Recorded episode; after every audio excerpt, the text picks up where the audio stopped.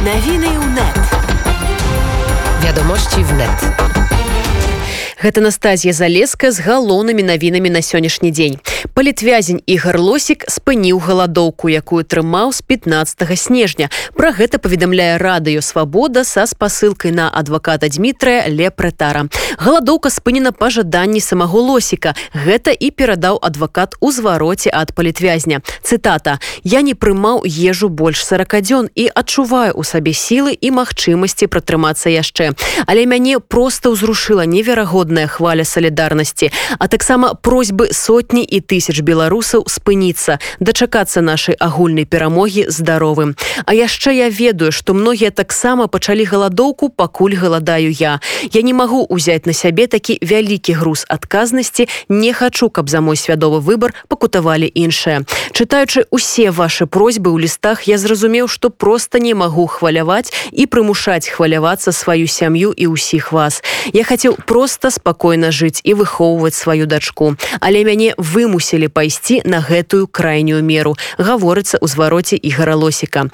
Рашэнне ігора віталі палітыкі грамадскія дзеячы дыпламаты яго сябры і паплечнікі. У прыватнасці экс-кандыдат у прэзідэнты святлана ціхановская падтрымала яго ў гэтым рашэнні і зараз яна працягвае настойваць на неадкладным вызваленні ўсіх палітвязняў жонка ігора дар'я расказала што цяпер яю мужу неабходна медыцынскае абследаванне, каб ацаніць шкоду ад галадоўкі літоўскі портал лрт апублікаваў сёння даследаванне пра дзейнасць арганізацыі дапамога заснаванага беларускай эмігранткай Наталій калегавай і яе мужам сям'я ўжо даўно жыве ў вільні і мае бізнес па здачы кватэр падчас пандэміі прыбытак іх кампаніі наталекс рэзка скараціўся але пасля беларускіх прэзідэнцкіх выбараў пайшоў у гару журналісты сцвярджаюць што схема была такая. Калегава прапаноўвала беларусам уцекачам кватэр кватэры ў вільні здавала іх па кошце вышэй за рынкавы а пасля яшчэ і прасіла кампенсацыю цаны ў міжнародных фондах. Пры гэтым публічна заяўляла што дапамагае бясплатна. Апроч таго журналісты знайшлі сфальсіфікаваныя медыцынскія даведкі. Гэтыя дакументы былі патрэбны каб даказаць што беларусы фізічна пацярпелі і мелі патрэбу ў матэрыяльнай дапамозе. У інтэрв'ю нашаму радыё Наталья калегава расказала што ўжо рыхтуе справу пра паклёп. Акрамя таго яна заказала дзяржаўны аўдыт які будзе самым галоўным доказам у гэтай справе. Наша віленская корэспандэнт бела фокс падрабязней пра сітуацыю. Сёння аддзел расследаванняў нацыянальнага тэлеканалу літвы ЛРТ у прыватнасці індры макрайціта і рутаю княвічута апублікавалі матэрыял, паводле якога фонд дапамога зарабляў на беларускіх уцікачах у літве. Журналісты падзяліліся фактамі заключэння фіктыўных догавараў арэнды, а таксама выкарыстання падробных подпісаў і медыцынскіх дакументаў. Кіраўнік фонду байсол Андрей стрыжак паведаміў аддзелу ЛРТ, што менавіта дакументы прадстаўленыя дапамогай прымусілі мусілі заподозрыць супрацьзаконнасць выкарыстоўвання сродкаў, якія першапачаткова накіроўваліся на падтрымку ахвяраў рэпрэсію з боку беларускіх уладаў. Цытата: Людзі, якія прыязджаюць у чужую краіну, на самой справе не могуць ведаць усё і адразу арыентавацца. Таму адказнасць несуць тыя, хто прадставіў ім такія дакументы. Я не ведаю, якія схемы там працуюць, але на мой погляд, тое, што робіцца супрацьзаконна. Мы не адразу ўсё зразумелі мы не адразу вызначылі што адбываецца і таму некаторыя людзі якім не належала наша падтрымка змаглі яе атрымаць конец цытаты стрыжак дадаў што да беларусаў якія прыбылі ў літву праз гуманітарны калідор прэтэнзіяў няма нягледзячы на ўсе прадстаўленыя доказы дырэктарка фонду дапамога Наталья калегава пракаментавала сітуацыю наступным чынам данная статья является клеветой ну или там передача адвокаты работают, это если коротко. И важно еще, что я попросила заказать государственный аудит. Ну, собственно, государственный аудит и будет являться самым большим доказательством клеветы, ну и опровержение, мне кажется так. Прокомментовал ситуацию и директор Freedom House у Литве Витис Юрконис. Как расследование ЛРТ против фонда «Допомога» скажется на работе других фондов и организаций, помогающим белорусам в Литве? Но сама формулировка вопроса проблематичная. Расследование, по-моему, не направлено против фонда «Допомога». Сколько мне понятно из материалов, у участников программ фонда «Допомоги» возникли вопросы, а журналисты их огласили. Я не могу комментировать контент этих вопросов, так как я не прокурор и не адвокат. На вопросы руководителя фонда «Допомог» должны постараться ответить как возможно более откровенно и прозрачно, сколько это позволяет конфиденциально связано с работой фонда. С некоторыми выводами расследования я не согласен. Ну, например, термин «экономические мигранты» вызывает некоторые вопросы, когда объективно нет таких трендов экономической миграции. Сейчас, по сути дела, большинство уезжающих – это репрессированные люди. На работу других фондов это, скорее всего, не повлияет никак. На работу фондов влияет преследование активистов в Беларуси, карательные меры, направленные против граждан Беларуси с властями. Работы становится больше, и ее исполнять становится сложнее. Власти откровенно ненавидят всех, кто каким-то способом помогает пострадавшим, но эта ненависть именно и доказывает, что фонды работают. Прадстаўнікі народнай амбасады Беларусі ў літве выказалі сваю занепакоймасць магчымым выкарыстаннем даверу беларусаў у літве дзеля ўласнага бізнесу і выказалі сваю падтрымку правядзенню незалежнага расследавання літоўскімі уладамі. Пакуль удакладняецца пытанне даверу да фонда дапамогі народная амбасада Беларусі параіла беларусам у літве звяртацца за дапамогай у іншыя арганізацыі. Беларускі дом правоў чалавека імя барыса звозкага, фонды культурнай ці спартыўнай міжнароднай салідарнасці фонд разам міжнародную каталіцкую арганізацыю карытас а таксама чырвоны крыж Прэзідэнт Польшчы Дуда заклікаў еўрапейскі саюз зрабіць больш жорсткімі санкцыі ў дачыненні да рассіі затрымання ў крытыка крамля Алексея навальнага і дзеянняў сілавікоў падчас акцыі пратэсту ў рассіі 23 студзеня. Адзіны спосаб гэта прымусіць выконваць міжнароднае права. Адзіны спосаб зрабіць гэта без вінтовак, гармат і бомбаў з дапамогай санкцый. Таму мы гатовыя дапамагчы дасягнуць кансэнсусу па гэтым пытанні, заявіў Дуда у інтэрв'ю фінансал таймс у нядзелю. Прэзідэнт польшчы таксама перакананы ў тым што вярхоўны прадстаўнік ес па знешняй палітыцы і бяспецы жазеп барель павінен пераглядзець свае намеры адносна візіту ў рассію ў наступным месяцы калі крэмль не вызваліць навальнага. Раней з заклікам разглядзець магчымасць новых санкцый у дачыненні да москвы выступілі міністры замежных спраў латвіі эстоніі і літвы.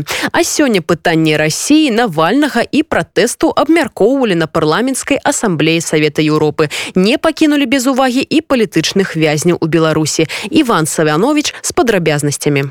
Упершыню сесія праходзіла ў гібридным фармаце. Частка дакладчыкаў прысутнічала ў зале а астатнія ўдзельнічалі онлайн на сесіі былі паднятыя шэраг пытанняў. Наконт беларусі выказаўся дакладчык ад украіны алексей ганчаренко ён нагадаў пра гібридную агрэсію рассіі на ўкраіне і звязаў гэта з намаганнямі рассіі анексировать Беларусь зараз мы маем сітуацыю гібриднай анексіі беларусі расійскай федэрацыі. Калі расійскія афіцеры бяспекі знаходзяцца тут расійскія прапагандысты яны клічуць сябе журналістамі але яны імі не з'яўляюцца знаходзяцца тут. Расійскія ўзброеныя сілы таксама тут. Расія кантралюе мяжу паміж беларусю і украінай. Пагэтуль пытанне беларусі гэта пытанне аб рассіі Дзякуючы расійскай падтрымкі дыктатар Лукашенко дагэтуль займае пасаду. Без падтрымкі Пуціна ён ніколі не будзе прэзідэнтам Беларусі. жыве Беларусь. Ганчаренко таксама звярнуў увагу на шэраг парушэнняў з боку рассіі і заклікаў раду Еўропы не пакідаць у баку гэтае пытанне. Аб сітуацыі з палітвязнямі ў Беларусі на сесіі нагадаў і прадстаўнік ад Вкабрытаніі, дзяржаўны міністр Шатландіі лорд Джордж Фолкс таксама хацеў бы адзначыць што я вельмі заклапочаны арыштамі ў беларусі. І на маю думку мы павінны прымаць больш моцныя дзеянні ў дачыненні да беларусі Я асобна заклапочаны лёсам зняволеных. Я прымаю удзел у вельмі добрай ініцыятыве, якая праходзіць па ўсёй Еўропе, шэфства над палітвязнямі. Уласна я ўзяў шэфства над сцяпанам латыпавым. Я спадзяюся, што сябры парламенцкай асамблеі адгукнуцца на гэты заклік і таксама возьмуць шэфства над іншымі палітвязнямі. Асобна было паднятае пытанне аспрэчвання паўнамоцтва ў рассіі ў радзе Еўропы ў сувязі са шматлікімі парушэннямі у сваім дакладзе прадстаўнік ад дані майкл аструпенсон звярнуў увагу на немагчымасць для дакладчыкаў наведваць рассію і працаваць у ёй згодна са сваімі абавязкамі ён таксама нагадаў і аб праблеме рэпрэсіі ў дачыненні да журналістаў па яго словах рассія была прынятая ў раду Еўропы з дамоўленасцямі аб супрацы але расійскі бок не выконвае сваіх абавязкаў мы бясконца далёкі ад выканання дамоўленасцяў уладамі рассіі і прадстаўнікамі расійскага парламенту пры нашай арганізацыі. Гэта цалкам непрымальна Расія гэта краіна, да якой ёсць шмат пытанняў у кантэксце працы маніторынгавай камісіі. Але для нас, як для прадстаўнікоў гэтай камісіі проста немажліва выкананне нашых абавязкаў, калі з расійскага боку адсутнічае кааперацыя. Калі немагчыма быць дапушчаным, каб садакладчыкі рабілі сваю працу. Я разумею, што сітуацыя вакол каранавірусу зрабіла гэты працэс больш цяжкім, але каранавірус не зрабіў немагчымым прыезд нашых дакладчыкаў у Маскву. У сваёй прамове гэты абвінавач запрошвання спрэчыў прадстаўнік ад расійскай федэрацыі леонид слуцкі. Таксама рада Еўропы вырашыла правесці дэбаты аб затрыманні умовах у якіх знаходзіцца расійскі апозіцыйны палітык алексей навальны.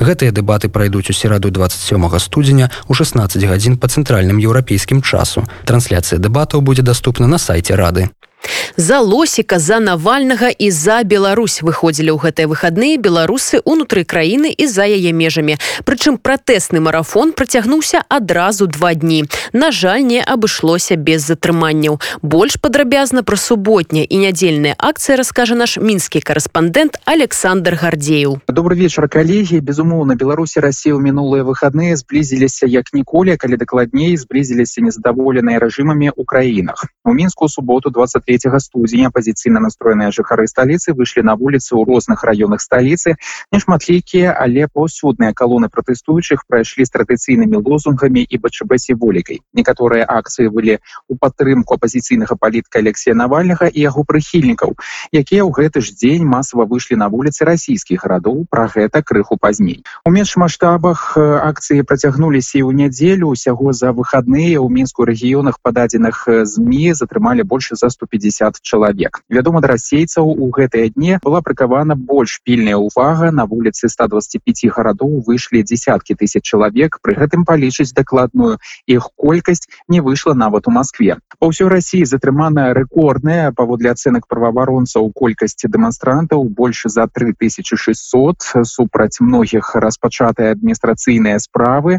Але ёсць і крымінальная. Па артыкулах хуліганства наўмыснае знішчэнне маёмасці і гвалту дачынення дачыненні да прадстаўніка ўлады чыста расійская ноу-хау крымінальныя справы за парушэнне санітарна-эпідэміялагічных правілаў калі будзе доказана заражэнне іншага чалавека безумоўна расійскія акцыі пратэстаў не параўнаюцца з беларускімі мінулым летам але нават з улікам гэтага паводле некаторых звестак гэта быў самы масавы несанкцыянаваны мітынг у гісторыі найноўшай рассіі по гэтай прычыне арганізатары палічылі іх цалкам паспяховымі і паабяцалі новыя акцыі напярэдадні выбараў у дзярждому по-другому таксама прыхільнікі навальнага заявілі што лічаць галоўным дасягненнем суботы мітынгі ў гарадах якія на іх думку не лічацца пратэснымі такія як цвер бранск растол на доне і іншыя гэтым многія іншыя прадстаўнікі расійскай непарламенцкай апазіцыі не лічаць іх дастатковымі а прэс-сакратар прэзідэнта дмітрый пяскоў заявіў што колькасць тых хто галасуе за владимира путина куды больш чым тых хто выйшаў на вуліцы. Канешне паралелі з беларускімі падзеямі не праводзіць толькі лянівы адзначаецца падабенства адсутства рэжымаў і стыляў кіравання і ў той жа час на думку галоўнага палітка-эканамічнага аглядальніка портала тутбая ольгі лойка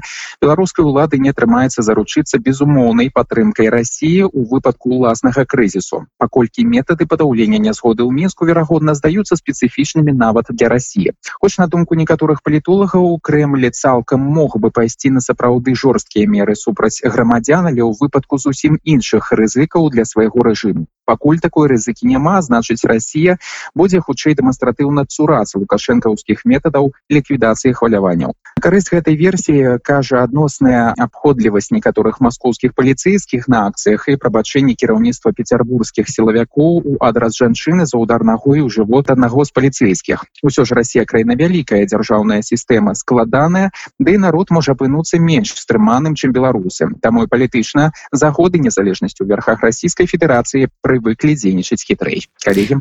Наколькі падобныя беларускія і расійскія пратэсты? Чым у выніку яны могуць скончыцца? І які самы спрыяльны сцэнарый для беларусі? Анастасія крывашеева спытала у даследніка цэнтра еўрапейскай трансфармацыі Андрэя ягорова складана сказаць наколькі вось гэтая пратэсная энергетыка у рассіі накоплівалася наколькі сітуацыя напружання ў грамадстве падобная на беларускую. У тым сенсе што беларускія пратэсты вось трываюць ужо са жніўня сёння а у Росіі гэта толькі ну фактычна першая успышка что можна казаць что конечно по масавасці гэтыя пратэсты саступаюць значна беларускім пратэстам але маюць даволі шырокую геаграфію і там даволі шмат падабенстваў з беларускай сітуацыі у тым ліку напрыклад дэцэнтралізаванасць тых пратэстаў апора на сацыяльныя сеткі там як структуру самаарганізацыі гэтых пратэстаў канешне не звязаныя з асобай навальнага і ён фактычна паслужыў триггером для гэтых пратэстаў але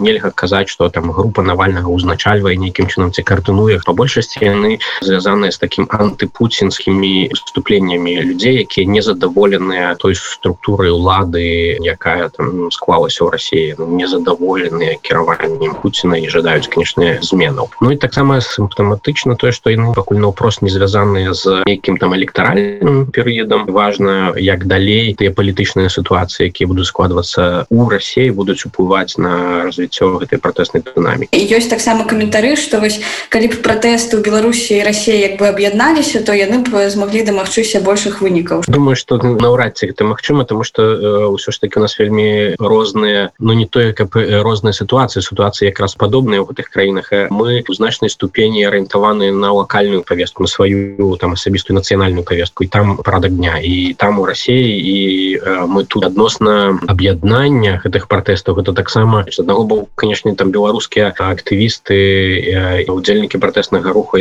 сімпатыі глядзяць на то што адбываецца ў рассіі тому что гэта таксама пра дэмакратычныя выступленні супраць аўтарытарнай улады а з іншага боку Росія і сённяшняя расійская ўлада ў значнай ступені ўплывае на то што адбываецца у Беларусі такі наўпроставы альянс беларускіх палітычных лідараў з расійскімі палітычнымі лідарамі і беларускіх пратэстоўцаў з расійскімі пратэстамі яно будзе негатыўна уплываць на пазіцыю расійскіх уладаў адносна пераменаў у белару то бок пры тым что там такая амбівалентнасць адносна захавання лукашэнкі пры ўладзе гэта можа плываць калі вось пераважыць гэты тренд на пазбаўленне лукашэнкі напэўныя спробы скажем так подвысіць плюралізм палітычнай сістэмы ў беларусі якія назіраюцца ў рассіі ён можа згуляць на баку беларускіх пратэстоўцаў то бок расійскія воды нават сённяшнія пэўнай сітуацыі могуць выступіць фактарам які дапаможа у змене палітычнага рэжыму тут. Но просто вы альянс ставіць іх у абарончую пазіцыю там да яны будуць тады змагацца і супраць нас і супраць сваіх а там адначасова абіраючы тады альянс з тымі хто падаўляе пратэсты тут то бок з лукашенко. Таму у сэнсе палітычнай гульні гэта не такое простае рашэнне якое тут мусяць спыняць лідары сённяшняй новай пазіцыі у было Поўнае інтэрв'ю з Андрэем Ягорвым слухайце ў ранішнім беларускім эфіры радыёнет світанку свабоды а пятай па варшаўскім часе. Польша вызваляе ад каранціну пасажыру з адмоўным ПЛР-тэстам на COVID-19. Правілы ўезду змяняюцца з 27 студзеня. Аналіз мусе, мусіць быць здадзены не раней як за 4 гадзіны да вылету. Тыя, хто выберуць ПЛР-тэст, аўтаматычна вызваляюцца ад 10дзённага каранціну, які дагэтуль быў абавязковым пры прыездзе ў Польшчу. Экспрэс-тэст беларусы могуць здаць наўпрост у нацыянальным аэрапорце мінск перад вылетам аплаціць яго яго можна на месцы праз аддзяленне банка ці праз плацежны тэрмінал. На пасяджэнні ўрадавай камісіі па экстрэмальных сітуацыях 25 студзеня было вырашана падоўжыць каранцін у літве да 28 лютага. Да наступнага тыдня павінен быць падрыхтаваны план па ўвядзенні паслабленняў. Кіраўнік міністэрства аховы здароўя Аруна Здулькіс пасля пасяджэння сказаў, што па яго прагнозах каранцін можа быць зняты з пачатку красавіка. Беларусы у Львове падалі заявку аб устаноўцы мемарыяльнай дошки памяці ахвяр лукашэнскага рэжыму на будынку ганаровага консульства беларусі у Львове. Як расказаў актывіст алексей францкевич на сваёй старонцы у фейсбуку дошка устанавливаецца як успамін пра ўсіх забітых і прапаўшых без вестак у беларусе за часы дыктатарскага рэжыму лукашэнкі. Каб усе тыя хто аддаў сваё жыццё за незалежную Беларусь застались у памяти народа а усе вінныя паўсталі перад судом і панеслі заслужанае пакаранне францкевич звярнуўся да ўсёй беларускай дыяспоры і попрасіў падтрымаць гэту ініцыятыву у прыватнасці усталяваць падобныя мемарыялы ва ўсіх краінах гарадах дзе ёсць беларускія амбасады консульствы і ганаровыя консулы. На гэты час усё сустрэнемся праз гадзіну Навіны ў нет. Вядомасці в нет